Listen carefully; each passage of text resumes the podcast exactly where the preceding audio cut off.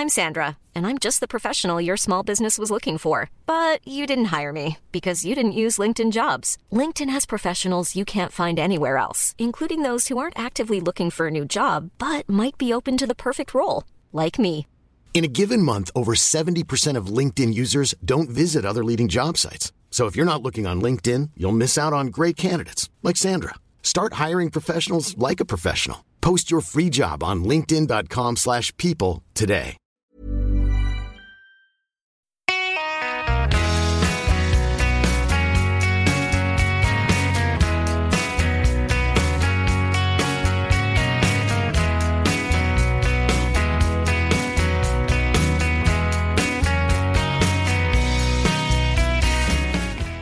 Då är vi här igen Ja, ser man på.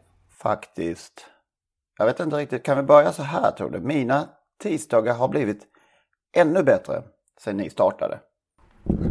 Fick, fick jag ett tillrop här, härom, häromdagen. Det handlar faktiskt om vår podcast. Åh, vad trevligt. Det är inte bara ärtor och fläsk på tisdag, utan det är också vår podd. Ja. Eh, ja men sådana tillrop vill man ju ha, gärna konstant. Ja, varje tisdag. Men man blir också glad och lite upprymd av bara ett enda om det. Så det duger gott det också. Absolut, så är det. 40 avsnittet. Lite jubileum, lite små jubileum. Ja, ja, Hur ska vi fira det 50 Ja, precis. Framförallt det hundrade kanske, om det blir någon gång. Det brukar ju eh, stora, härliga, populära poddar sända live Jaha, är det så? med publik och sådär. Oj. Du, eh, Det kanske inte, vi inte mäktar med. apropå 50 så gjorde Diego Costa sitt 49 mål i Premier League igår. Okej. Jag tror han har Den, spelat eh, 79 matcher. Den som ligger fyra i den där eh, ligan är eh, Torres som gjorde 50 mål på sina 72 första matcher. Okej. De är klara nu ser det ut som va? Ditt Chelsea. Det var de när ligan började, höll jag på säga. Nah, det är det väl de inte riktigt, men de har ju eh, god marginal ner till, eh, det blir väl City som tar över andra platsen åtta poäng efter. Alltså plus, jaha det är en match mindre eller? Ja, Nej men vi fick ett mejl då från en Mats Elgström faktiskt som tackade för ett nytt lysande avsnitt som han uttryckte det också. eh, och eh, bidrog dessutom med de här tvåbenta profilerna som vi tog upp förra veckan. ja, och vi glömde naturligtvis några, men det var avsiktligt. själv. avsiktligt. Ja precis. Han bidrog med, ja just det. Bidrog med Kjellby Dahlström. Det är väl bara att hålla med. Självklart. Björn Linde. Ja, skräcken. Skräcken. Hur många Elitlopp invigde han? Ja, eh, några för många egentligen om man ska vara ärlig. Tycker du det? Eller något för... Något. Ja, det blev lite... Ja men det var ju bra så länge det var helt spontant. Ja, Sen kom det andra intressenter med i bilden som då, då blev det för, lite för mycket upp, uppstyrt. Det är klart att eh, Linders eh, segergest med personliga kriteriet eh, kommer ju alltid att leva. Verkligen. Båda, släppte båda tömmarna och Ja. eh, o, lite olydigt. Så får man väl inte göra egentligen. Men, Nej, herrejösses. eh, Stig Lindmark bidrog han också med. Ja, Lite mer tillbakahållen kanske person men, men bidrog ju väldigt mycket. Inte minst i Norrland. Eh, ja. hjäl- hjälte på alla sätt. Norrlands största genom tiderna, det var väl Thai Svanstedt får väl räknas dit i alla fall delvis. Men det är klart att Lindmark... Vi säger norra Norrland då. Ja, då klarar vi oss undan. Hallå där, vi säger norra Norrland, ni behöver inte invända att vi glömde Svanstedt i det avseendet. Ja, just det. Eh, ja, vad ska vi säga? Har vi något till? Jag tänkte på Helena Ann också kanske. på, självklart. sitt, på sitt alldeles speciella sätt. För, inte minst för kvinnor, en- kvinnor och tjejer. Ja, och, och en trevlig eh, dokumentär kan man väl kalla det som Ekidia gjorde med henne va? Som också vi fick ta del av. Just det. Erik Berglöf. Ståendes på händer. Två gånger i derbyvinnarcirkeln va? Två år i rad. Ja. Sen Aldrig efter något Elitlopp va? Nej, inte. nej, kanske inte. Nej, det var nog derbyt som blev hans eh, grej där när han stod på händer. Va? Ja. Vad var det för idrott han var aktiv i som gjorde att han... Ja, om jag minns rätt så var det ju militär femkamp. Va? Just Var det inte det? Ja, då kanske det var. Men sen var han ju en ytterst duktig fotbolls... Nej, inte fotbollsspelare utan curlingspelare en viss skillnad. Jaså, okej. Liksom hans pappa Roy var också, jag gissar att Roy var svensk mästare i curling. Men framförallt var han ju en enastående bandyspelare, Roy Berglöf, med många landskamper och många SM-guld.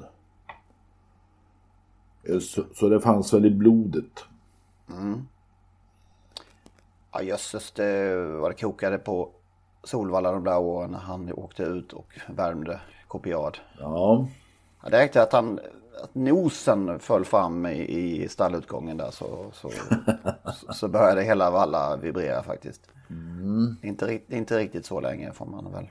nej, nej Tyvärr inte, jag. inte ens Elitloppet håller kanske samma, samma höga febertopp längre.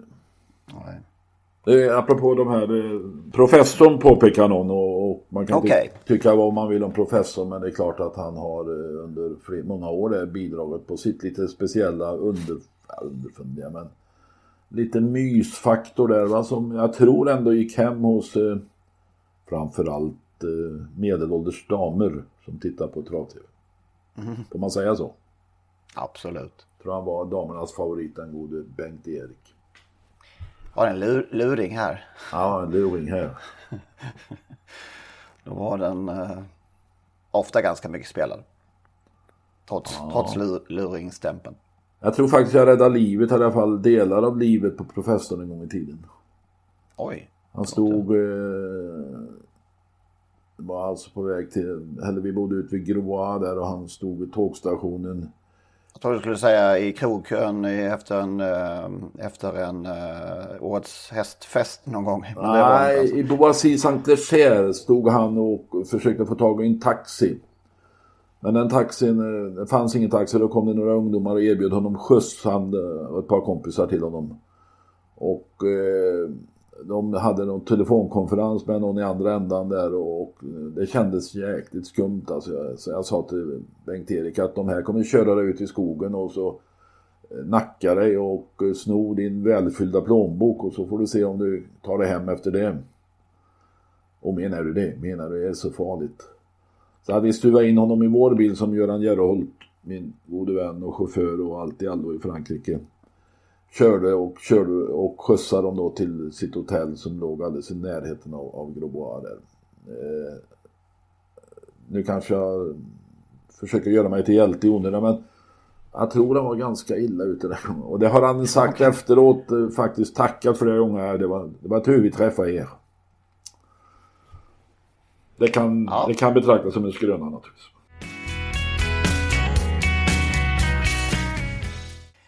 Vad ska vi gå in på till att börja med här? Vi, vi hajade till, eller hajade till, men, men eh, uh, småfnissade lite åt en tweet här häromdagen. Uh, av en viss travtränare som skrev debutanten Prosperous värmde fantastiskt bra. Men efter en regnskur blev banan väldigt slipprig i förlopp 1 och han fixade inte det. Eh, det. Då kom vi in lite på det här med, med, att det, det här med bortförklaringar. Ja, eller förklaringar. Förklaringar. Det har ju blivit lite mer sofistikerat genom åren eh, via, eftersom det nu finns eh, enkla sätt att kommunicera. Eh, tidigare var det ju svårare att, att kommunicera ut sina förklaringar eller möjliga bortförklaringar. Det fick man göra face to face eller via telefonen. Men det fanns ju också, alltså förr i tiden när inte ägarna eller vilka det nu var kunde kontrollera egentligen vad som hade hänt utan tränaren kunde dra till med vad som helst. Har du något exempel? Ja, en eh, hästägare från en mellansvensk travbana hade häst i träning där skulle, och den hästen skulle starta på Solvalla. Eh, ägaren som brukar åka med, han hade någon liten industri, hade inte tid den dagen. Så att han sa till sin tränare att, att tyvärr kan jag inte åka med. Och det hände något i det här loppet, eh, hästen galopperade eller om han körde illa, jag minns inte. Men eh, när ägaren kom till stallet dagen efter och frågade tränaren då eh, vad som hade hänt och, och Han drog då till med en lögn, eller om man ska kalla det nödlögn. För att förklara bort eh, missen där och då visade sig att ägaren i Lundom ändå hade tagit bilen till Solvalla. Och sett precis vad som hände och eh, då blev han ju aningen upprörd, till och med mycket upprörd så att han eh, på stående fot mer eller mindre flyttade hästen för han tyckte inte tränaren hade uppträtt korrekt. Just det, och det fanns det ingen, eh, inget lopparkiv till Nej, och inga travfakta och ingenting. Att, att, att, inte ens VS kunde man bestämma, ja det kanske man, nej, det var till och med innan VS-tiden gissar jag. Ja. Men det finns ju lite roliga så här bortförklaringar genom åren. Lennart Karlsson Åbytränaren som hade en väldigt fin häst, Air France. Och eh, som storfavorit galopperade i den ingången till upploppskurvan där. Den västra kurvan må man väl säga på Åby. Helt plötsligt utan anledning och sen efter loppet förklarade han att eh, Air France hade fått solen i ögonen. Okej. Okay. Ja. ja. Första, den, första gången solen kom där. Ja. Det kan ju mycket väl ha varit så. Jag vet inte hur känsliga hästar är för solsken men det var ändå en, en innovativ bortförklaring. Mm. Nej, vi ska säga det, det är ju den här tweeten som, som Marcus Lindgren var det så som skrev på, på, på uh, Twitter förra veckan. Uh, inget unikt på något sätt, så det var bara ett roligt, lite roligt exempel. Och just Jägersros bana är väl aldrig någon som gnäller på, det kommer jag att tänka på nu. Nej, nej jag vet inte. Nej, kanske nej. inte. Nej men det är liksom, det är banor dit, det är banor hit. Det är löst och hårt och gropar och inget fäste och han blev för pigg och han trampade upp i vagn och slog ihop och blev rädd för springspårshästen när den kom utanför. Och, eh, det är det ena med det andra liksom. Ja, det, finns, så det finns hört, hört talas om hästar som har blivit sjösjuka. Just det, på väg till eh, Gotland. Ja, vinglat omkring i loppet och galopperat. Ja, det var ja. sjösjuk. Så det är klart att det går att hitta på mycket. Jag kom på nu också Ludvig Olginis eh, vita häst här på, på inneplan för, i Copenhagen Cup för ja. två år sedan var det va? Ja, minst. Det var ju Kenneth Nilsson som kom farande med en, den här invigningshästen. Mm. Mot Mosaic Face eftersom det finns en bana på inne, inneplan där som, som eh, ja, så han var ju kvar där och ville, titta, ville, ville väl titta på loppet. Och kom eh, jag vet inte, tydligen så, så enligt Lutfi så kan ju hästar, vanliga hästar bli rädda för vita. Och det var vad som hände här enligt Colgjini då. Ja, och det där utan att försvara, behöva försvara Collini i det fallet så såg det ju faktiskt så ut att han Det gjorde det, absolut. Face tvekade och galopperade. Och... Men om det här stämmer nu då, den här Åke Svanstedt har ju en vit häst i, som startar i USA. Mm. Innebär det att hans konkurrenter då är skräckslagna? Ja, det har ju inte visat sig hittills. Men nu vann han tydligen ett lopp nyligen. Men hittills har det inte visat sig att konkurrenter har varit skräckslagna. Eh, jag tror Stigo har en vit häst just nu för samma ägare, va? Knutsson Trotting eller om det nu är mamma. Ja, just det. Så att, eh, ja, de vänjer väl sig hästarna men det är klart om det kommer en på inneplan som man inte har sett förut då kanske man reagerar. Ja. Jag har också sett eh, hästar som eh, reagerar för, eh, stora hästar som reagerar märkligt när de möter en ponny eller i alla fall tidigare när montén var ovanlig att, att när man kom och red en häst att sulkhästarna tvekar lite eller tvärsom. Just det. Men hästar vänjer sig ganska snabbt tror jag utan att veta säkert. Mm. Hon var bra så länge hon orkade. Ja. Har man hört någon gång. Ja, och så Jim sa något klassiskt, det var ingen bortförklaring utan det var bara konstaterande att jag satt harmoniskt fast.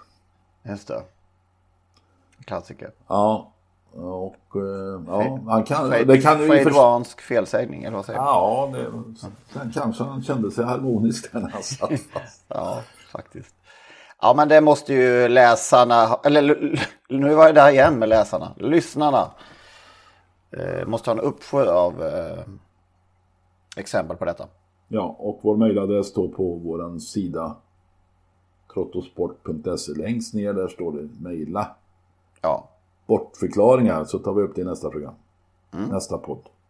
Apropå, jag frågade förresten Kari igår eh, om han någonsin hade bortförklarat eh, eller hittat på någon förklaring som blev bortförklaring. Men det förnekade han och eh, hade ju ganska nykter syn på det här med eh, hur mycket man som travtränare egentligen begriper.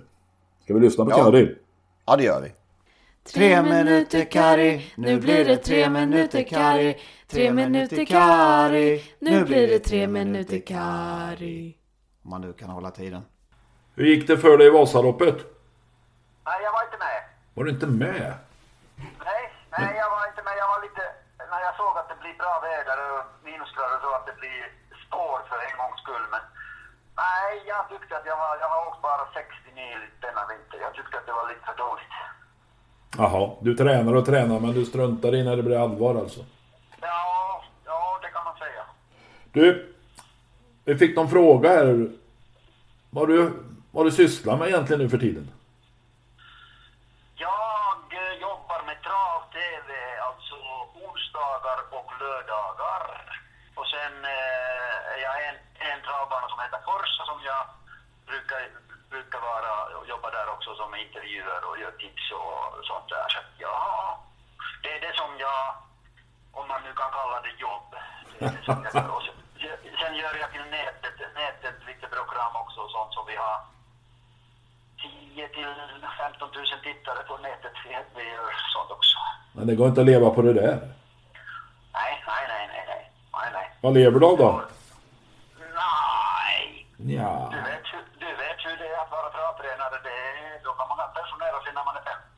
Ja, det låter- leva med, dem, leva med de pengarna. Det låter bra. Apropå travtränare.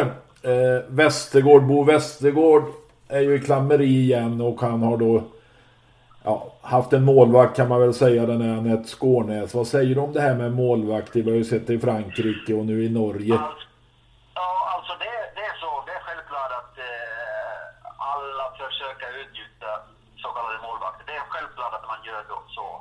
Men eh, det i Norge så enkelt är det inte. Utan, eh, utan då får man, eh, får man, ja jag vet inte om man får eh, längre straff men att eh, kanske någon påföljd. Att det är lite svårt att när man, eh, när man har åkt fast och sen får man två års avstängning till exempel. Ja, men du hade ju själv, du hade ju själv målvakt en gång i tiden. Ja, Forsgren. Ja. Ja, men inte för dubblingens skull. Men det var helt okej. Du- Det var helt okej då tycker du? Nej, jag vet inte om det var okej. Det, men det är därför jag fick licens att jag, eh, jag tyckte då en gång i tiden att vet fan, jag vill inte sitta på knät på någon utan jag måste få min egen licens. Och det fick du? Jag får, bestämma, jag får bestämma själv. Men då, då blev det problem när jag inte hade kört lopp och så. att- Men sen STC dåvarande gjorde, gjorde om systemet så att vi som inte hade kört lopp, Petri Puro till exempel och jag, att vi kunde få licens också. Jag fick gå kurser hur mycket som helst och tyckte att jag inte har tid för sånt. Men jag måste säga nu efteråt, det var nästan det roligaste jag har gjort när jag gick kurs tillsammans med Sylan och, och Svante Båth och, och, och vilka, vilka vi var.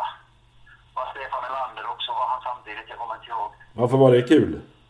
Ja, det var rätt så roligt faktiskt. Det, kan man säga. Det alltså att man tycker att jag kan inte vara borta härifrån åtta veckor eller var det tolv veckor kanske jag var borta. Men eh, nej, det, Ja, det, var, trodde. det var ju klokt av dig att gå den här kursen så kunde du pensionera dig när du fyllde 50 eller strax efter. Ja, exakt. Annars hade jag varit fortfarande... Lennart hade haft licensen kvar och jag hade, jag hade varit. Oj. Du, eh, var du bra på bortförklaringar till hästägarna när du var tränare? Ja, vi, vi, tänk, vi pratar om det lite i vår, vår podd den här veckan. Bortförklaringar. Man ser ju lite bortförklaringar på, på Nej, Twitter och sådär nu för tiden. Jo, det finns jättemycket så, men att jag måste säga att om jag gjorde någonting som jag gjorde bättre än de flesta, jag hade aldrig några bortförklaringar. Alltså jag hade inte, jag, jag, jag inte idag, jag kan inte säga vilken bana passar för någon häst. Jag kunde inte säga att nej, banan passar inte idag, därför att jag visste inte vilken bana passar för någon häst. Att om de får fäste eller inte. Jag, jag, jag blev aldrig klok på det. Jag fattar att de inte får fäste när de tappar bak, bakskon med fötter på isbanan, men inte när det är en vanlig bana. Att, ah, den fick inget fäste. Jag, jag var lite för ärlig och jag hade som regel att om någon häst blev skadad eller skadad var lite, jag var nästan så att jag, jag sa det till ägarna lite för kritiskt. Än, än, jag skärmålade aldrig. Utan jag, jag sa det att om, det, om jag visste att det tar kanske sex veckor till jag sa det att det kan ta tre månader. Därför att sen när jag kom senare och sa nej han är startklar redan nu, då blev de jätteglada. Alltså jag, jag gick tvärtom, alltså jag gjorde aldrig så som de gamla äh, tränarkåren, de, eh, när de hade fått hästarna fick kaffelbandskada, de sa det aldrig till ägarna utan den, den, den hostade lite och så och sen hoppades man att kaffelbandskadan blir bra. Men det var inte min stil utan jag gjorde lite tvärtom. Du är ett föredöme. Ja, på det, på det sättet alltså, var, om jag inte på något annat sätt, men på det sättet var jag. Det, det tror jag att jag var. Du, nu har vi kort tid på att sammanfatta VM där i Lahti. Ja, Succé för Finland. ja det kan man säga. Det, alltså, det gick bättre än vad jag trodde. Det, det gick över förväntan, det är helt klart. Alltså, ja, Ivo Niskanen, han Vi pratade precis därför det är en gammal skidåkare som, som eh, sitter i styrelsen också. Eh, och han, eh, när jag pratade, rätt, jag tror aldrig att dagens de Ivo Niskanen och, och de bästa, de dopar sig inte. Alltså, jag tror på ren sport. Jag är så dum kanske. Men jag tycker Matti, Matti Heikkinen var en hjälte i femmilen där ju. Ja, visst, visst. Han han var avhängd en mil, en mil, men han är, han är alltså, han är, man kallar honom, eh, alltså om man översätter det, man, äh, Matti, Mjölksura Heikkinen heter han på finska. alltså det, det är hans smeknamn.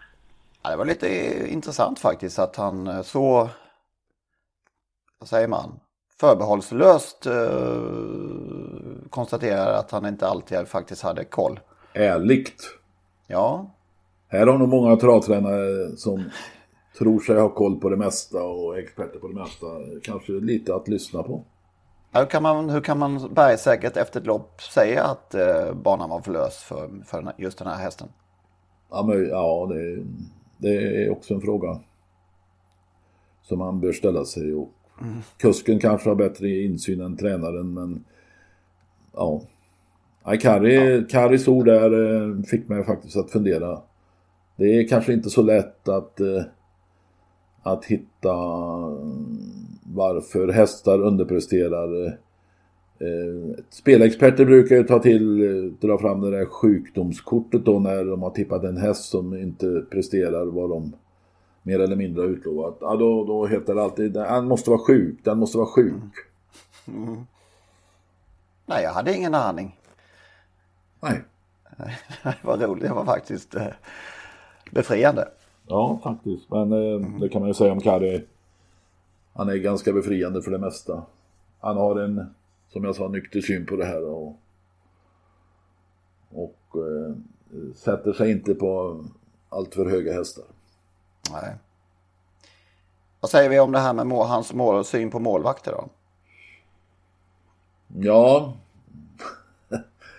Det var ju så en gång i tiden eh, att eh, innan han fick licens då så stod Lennart Forsgren och det är ett eh, väldigt vanligt förfarande i svensk travsport att innan det finns många som har hästar innan licensen är klar och då får man ju låna in någon kollega som står för dem. Så har det varit i alla tider. Men Kari kanske är det eh, bästa, det tydligaste exemplet på det. För han hade ju eh, en, ganska många hästar och en del framgångar under Lennart Forsgrens flagg. Ja, just det. Ja, men just det här att han så säger att ja, det är självklart att det, är- att det är så. Eh, att det är den här grundsynen att, att, eh, att det, är det, som, det är en kultur i det här som gör att folk i branschen reagerar så svagt mot, eh, mot att det får rulla på så här. Alltså det sker ju, det här med målvakter i det avseendet om det gäller att stå för andras hästar under en period så sker det ju, har det ju skett eh, många gånger med Travförbundets goda minne. Man har ju varit fullständigt medveten om vad som håller på att, eller händer och håller på att hända. Va? Så att det, det har man ju mer eller mindre accepterat. Sen tar ju Då, då, eh, ja, Sen tar ju den som står för hästarna en viss risk om det skulle hända något med doping och så vidare. Men Eh, oftast de som står för hästen, de har ju aldrig någon närkontakt, eh, aldrig är i stallet egentligen. Så att det, det finns ju säkert 50-100 exempel på detta. Mm. Är det därför som, som det blir sån relativt mild eh, reaktionsnivå kring eh, målvakterna som nu vi ser i, i dopingfallen? Nej, i dopingfallen så har väl reaktionerna varit starkare, ingen tvekan. Och, och vi såg väl nu Anders Holden där tog väldigt tydligt avstånd från, från eh, Bo Westergårds agerande. I Frankrike, Ja, jag tänkte på det. Ska vi därmed vara extra tacksamma mot det som, som han gjorde kanske? Ja, att någon var- äntligen säger ifrån. Va? Det är ju det är på tiden. Va? I Frankrike är det ju ingen jävel som säger någonting om Philippe Lard, Fabrice Soulois. Men eh, alltså i Norge har man ju ändå, det är samma där. Man har ju varit medvetna om att detta är en konstruktion. En målvaktskonstruktion när Anette Skånäs fick licens och mer eller mindre tog över Bo Westergårds hela verksamhet på samma gård. Och eh, Alldeles i närheten av var Västergård bor dessutom. Ja, i alla fall bodde, jag vet inte var han nu, men tidigare bodde han i en villa i närheten, ett hus i närheten. där. Det är han säkert.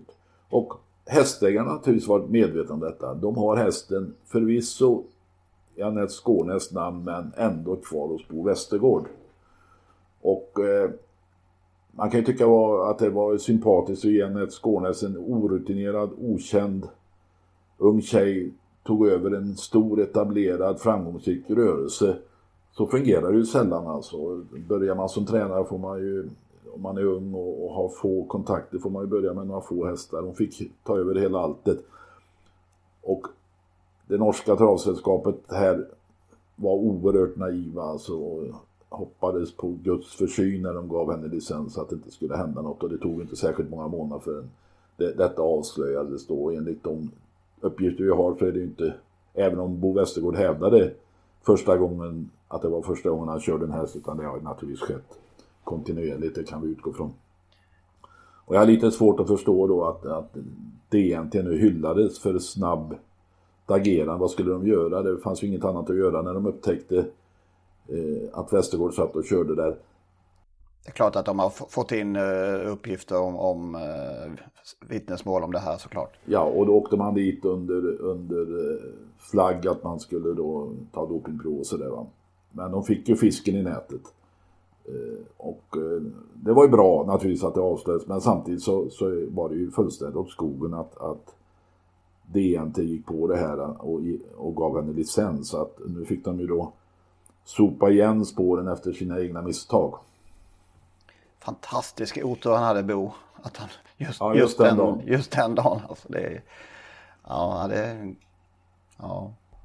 Nej, han skrädde inte orden Anders Holden. Eh, det var tydligt. Ja, tyvärr så är det så att många tassar runt lite grann i utkanterna utan att bränna fötterna. Va? Eller vill inte bränna fötterna. Solar-historien har vi fått ett nytt eh, datum till. Uh, Uva Bäck har fått anstånd till att inkomma med svar ända till den 28 mars. Så att eh, det drar ut, fortsatt ut på tiden. Ja, nu säger någon i Norge det att sen kommer nog beslutet ganska fort. Eh, Uva Bäck brukar vara mästare på att hitta eh, sätt att yt- ytterligare förskjuta det. Så att eh, senast jag träffade Staffan Uva Bäck så sa han kanske i maj blir det avgörande beslut. Men sen ska det överklagas gissar jag och så, så vidare. Va? Så att den här historien kommer leva länge, ett tag till, ganska länge. Å andra sidan så levde den här Västergårds-storyn där i Norge ett par år innan man kom till något beslut. va. Så det är, det är uppenbart svårt att eh, gå snabbt fram och man vill väl vara mycket noggrann när det gäller eh, att komma till domslut och så man inte gör något trampa på någon juridisk mina under vägen.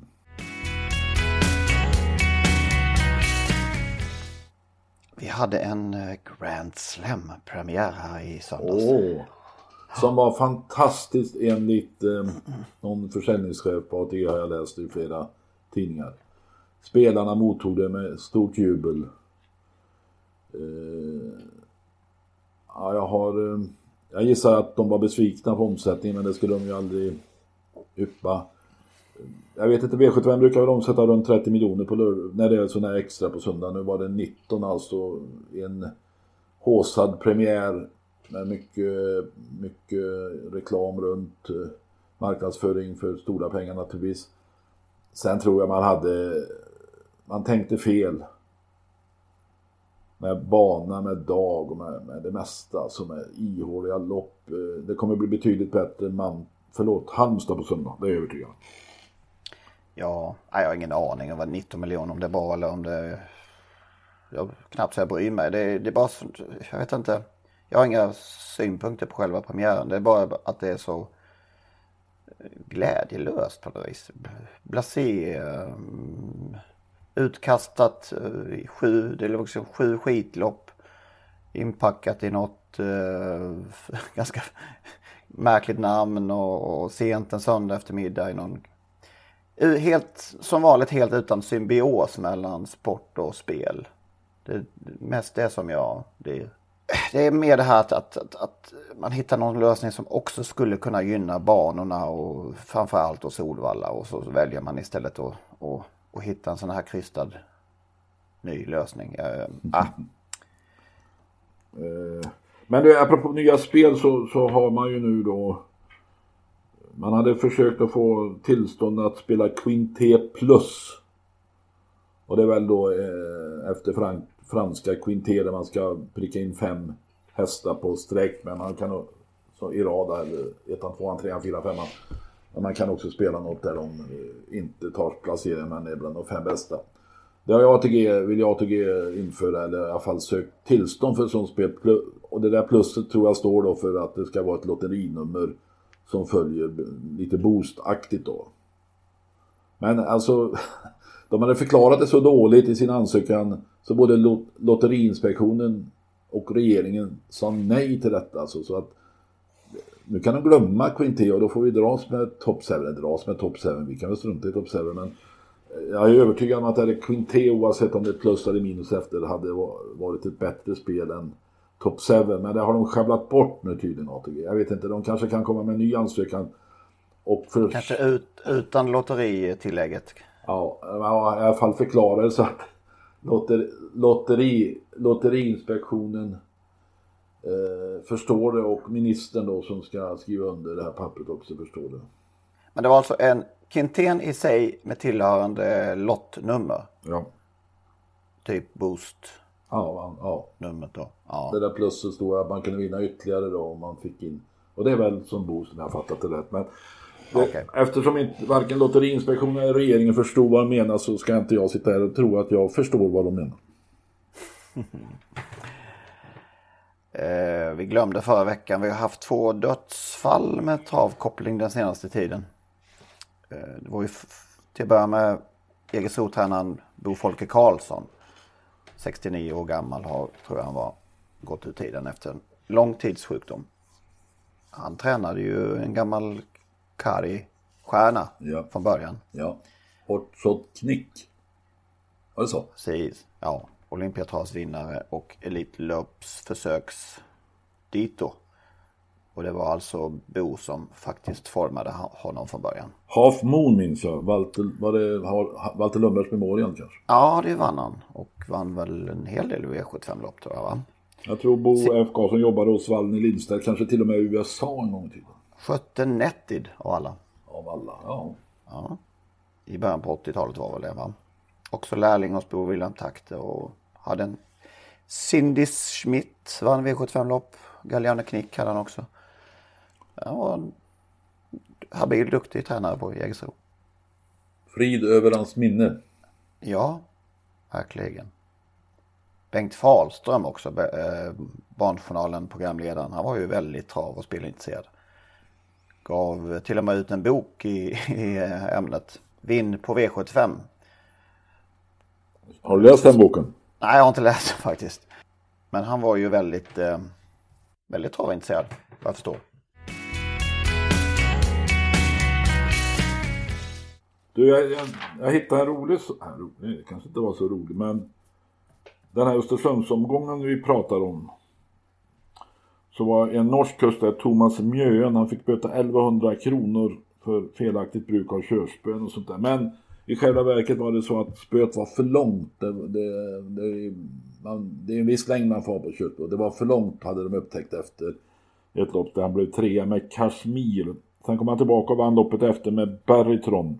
Jag fick det en vinnare till på Grand Slam historiska premiären. Eh, nu vet jag inte om han hade bytt spö men, men eh, de hade i alla fall eh, upptäckt att han körde med för långt spö. I Norge får man inte ha spö. Då passade de ju på att ta med sig ett för långt spö när han väl Ett extra långt när han, ändå, när han ändå fick. Och det påminner mig lite om Ulf Selander. Den ytterst stränge men och kontroversielle banveterinären i Örebro. Men han hade ju integritet som få som eh, hade en sax till hand och när han tyckte spöet var för långt då klev han ut på banan och klippte av spöet eh, efter defileringen. Okej. Okay.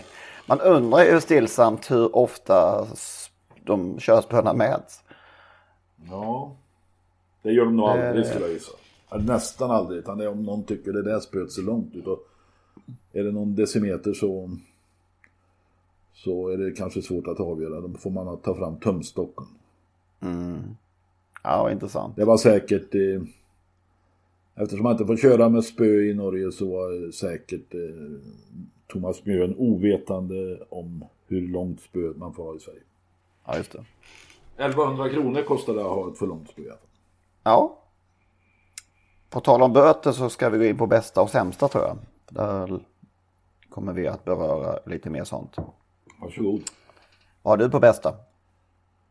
Uh, ja, jag tycker faktiskt att eh, den intervju jag gjorde med Thomas Nilsson i måndags eh, var bra. Det, det, var det bästa i veckan för mig. Han klargjorde väldigt tydligt att det är trams det ATG håller på med när det gäller namnet Legolas. Eh, Thomas Nilsson var väl tillsammans med Remi Nilsson den som skapade hypen kring Legolas.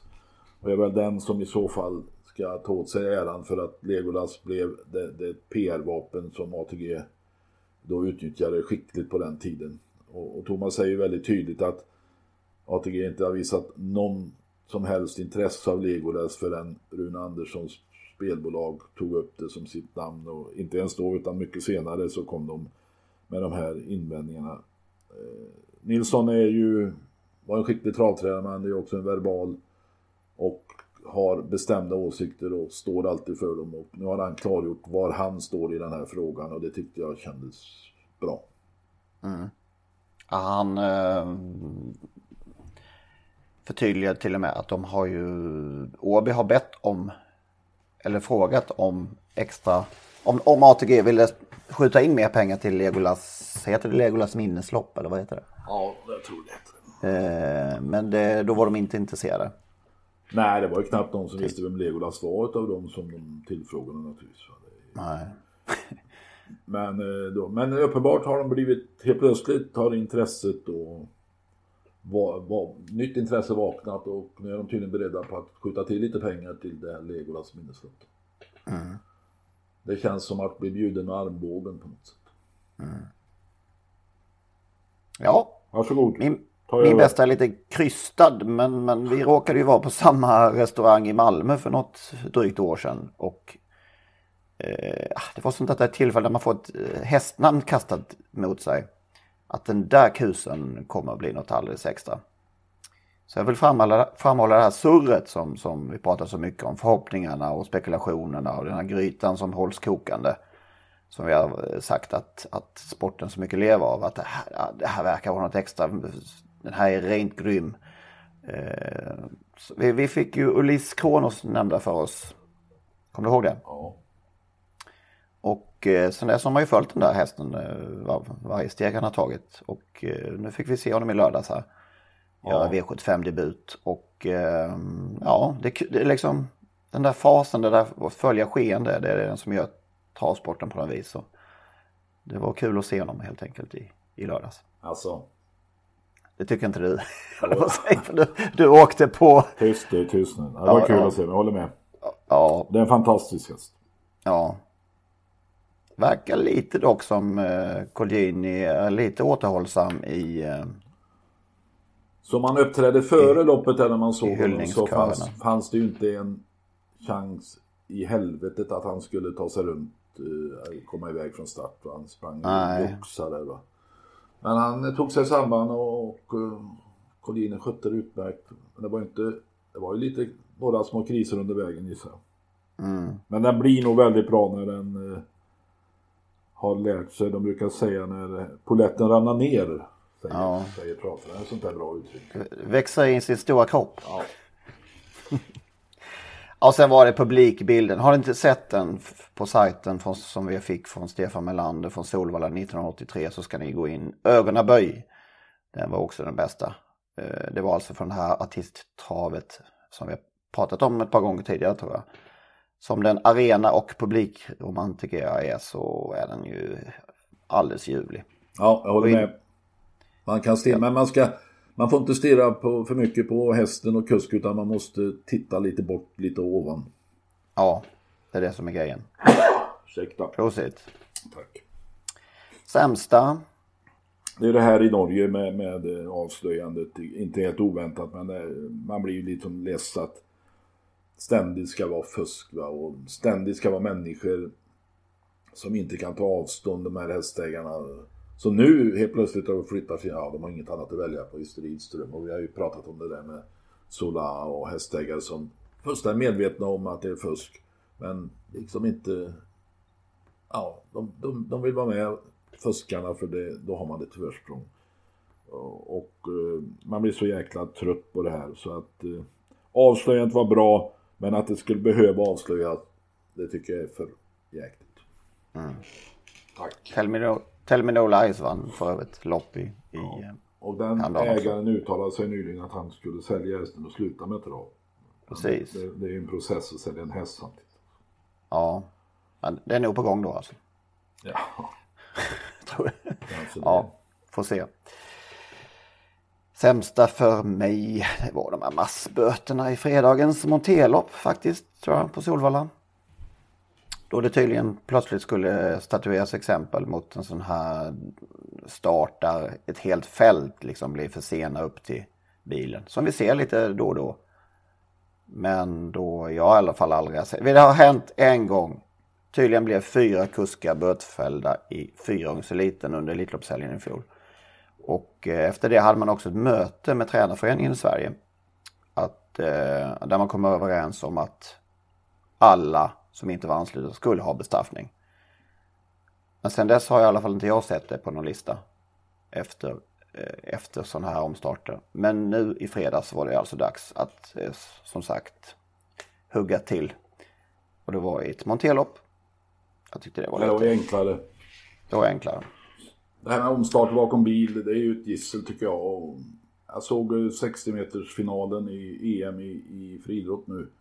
Där en eh, engelsman tjuvstartade och han blev utesluten direkt. Ja, just det. Hade ju en testperiod ehm, i voltstart. Under en period att man åkte ut direkt.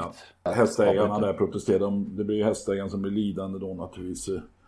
Så det är inte alldeles enkelt. Eh, Sen finns det väl också någon regel i friidrott att eh, första tjuvstarten blir varning och and, den som gör andra blir utkörd även om det inte är samma person som gjorde första. Ja, den är ju ännu värre nästan. På något vis. Eller? ja. ja, men jag ser med spänning fram emot nästa gång det här massbestraffningen inträffar. I ett proffslopp. Faktiskt. Ja, Får se hur länge det dröjer. det kommer aldrig hända. Hur har vi det med eh, vinst, eh, eller vinst, vinnar, vinnare på lördag? Ja, eftersom du hade en bra vinnare i lördag så överlåter I alla fall på sajten, jag, jag, där skrek jag ut jag och zon, men i, här i podden så Ja, blev... jag tror du nämnde den. Gjorde jag det? Jag hoppas det. Jag hoppas det. Det var en bra spik. Mycket. Men eh, på lördag då? Jag har ingen spik men jag vill absolut den här New Flame som jag trodde på senast och kanske den var underpresterad men med det loppet i kroppen och Per Linderoth nu som eh, Per Linderoth som har eh, som har vunnit med den förut och så vidare. Vilken avdelning pratar vi om? Andra avdelningen stod, stod där. Den möter den här eh, som Örjan vann med igen då va. Nummer 15 vad den nu kan heta. Där. Katrin Gel, ja. Ja. Katrin. Men eh, de var, New Flame var chanslös mot Katrin Gel senast. Men eh, kanske dags för revansch och inte översträcka den här gången. Spår 6 mot spår 15. Jag vet inte vad det var det för var ungefär senast. Det var, samma- det var ungefär samma senast. Ja. Ja. Men Örjan kom ju väldigt bra till den gången. Det kanske han gör igen. Han är ju rätt så duktig att köra. Men du, du har ju alltid, eller alltid, men du har ju prickat rätt i de här eh, kallblodsloppen. Har du inte någonting där? Nej, jag har inte hittat någonting där. Faktiskt. Okej. Faktiskt. Men d- däremot har jag konstaterat att det finns en här som heter Fylking. Ja, just det. Och det tror jag funnits ja, någon galopphäst som heter. Men den här, ja. Alltså jag gillar ju Myllkärr-Sune så oerhört vacker. Okej. Och kapabel. Men han har lite, lite svårt att vinna faktiskt. Men det, det där är en blivande stjärna. Han kommer springa en oerhört mycket pengar. Okej. Han var tvåa i, i derbyt i fjol då. Ja, det kanske han var. Pierre ju- Nyström, Liselott Nyström, Eskilstuna Just det, det är ju den ja. Nu ringer det en klocka här. Den hade vi inte ens med när vi pratade om vackra hästar. Det är ju sorgligt Nej. dåligt alltså. Vårt, Ja. vårt närminne är sorgligt. Satt han inte fast till och med i derbyt? Jo, Med krafter kvar? ja, han såg ut som en vinnare. Men han ser ofta ut som en vinnare, men han viker sig lite sista biten. Mm. Ja.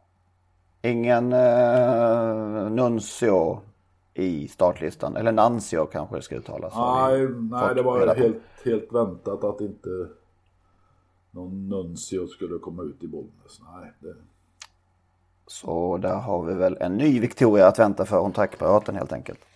Det får vi utgå från. Det tror vi. Sen är det ju faktiskt eh, vintermeetinget är slut, men nu är det ju Grand Criterium de Vitesse, heter det så? På lördag. Ja. Söndag. Precis. Timo- Kanske med Timo K på banan som man inte ser hästarna på. Nej, men man ser en, vack, vattnet där i baken. Vackra havet ser man. Ja, Unmäktig pre. Up and Quick finns med. Sen är det lite svenska. Oasis Speed ska väl göra ett nytt försök. Rocky Winner, Me Keeper. Ser också att Rod Stewart och Treasure Kronos, Galactica. Galactica kommer inte med och det var inte meningen heller. Så att eh, det finns en del svensk intresse där nere. 609 meter. 14 hästar bakom bilen Ja, det när, det, när det är färdigt. 8 plus 6. Det är några andra hästar anmälda i något, några andra lopp. Där bland annat Reckless och Putergium. Okej. Så att... Eh, Ingen eh, Delicious alltså som, som lite fanns i eh, någon svag plan. Men eh, Nej, Eh, det, nej. det har jag inte hittat. Nej, hon är inte anmäld. vi får vänta på henne. Jo, Och vi får vänta en vecka till på nästa avsnitt. 41. 41 blir det då. Tackar vi så mycket för eh, idag. Jag och jagar Diego Costa när han har 49 mål. Alltså. Ja, just det. Så, ja, han det blir svårt kanske. Nej, vi tar... Vi jag kan inte göra ett mål i veckan. Det finns ingen möjlighet. Vi jag, inte? jagar ifatt honom. Om inte annat under sommaruppehållet. Ja, så är det. Ha det gott! Bra, bra. Hej!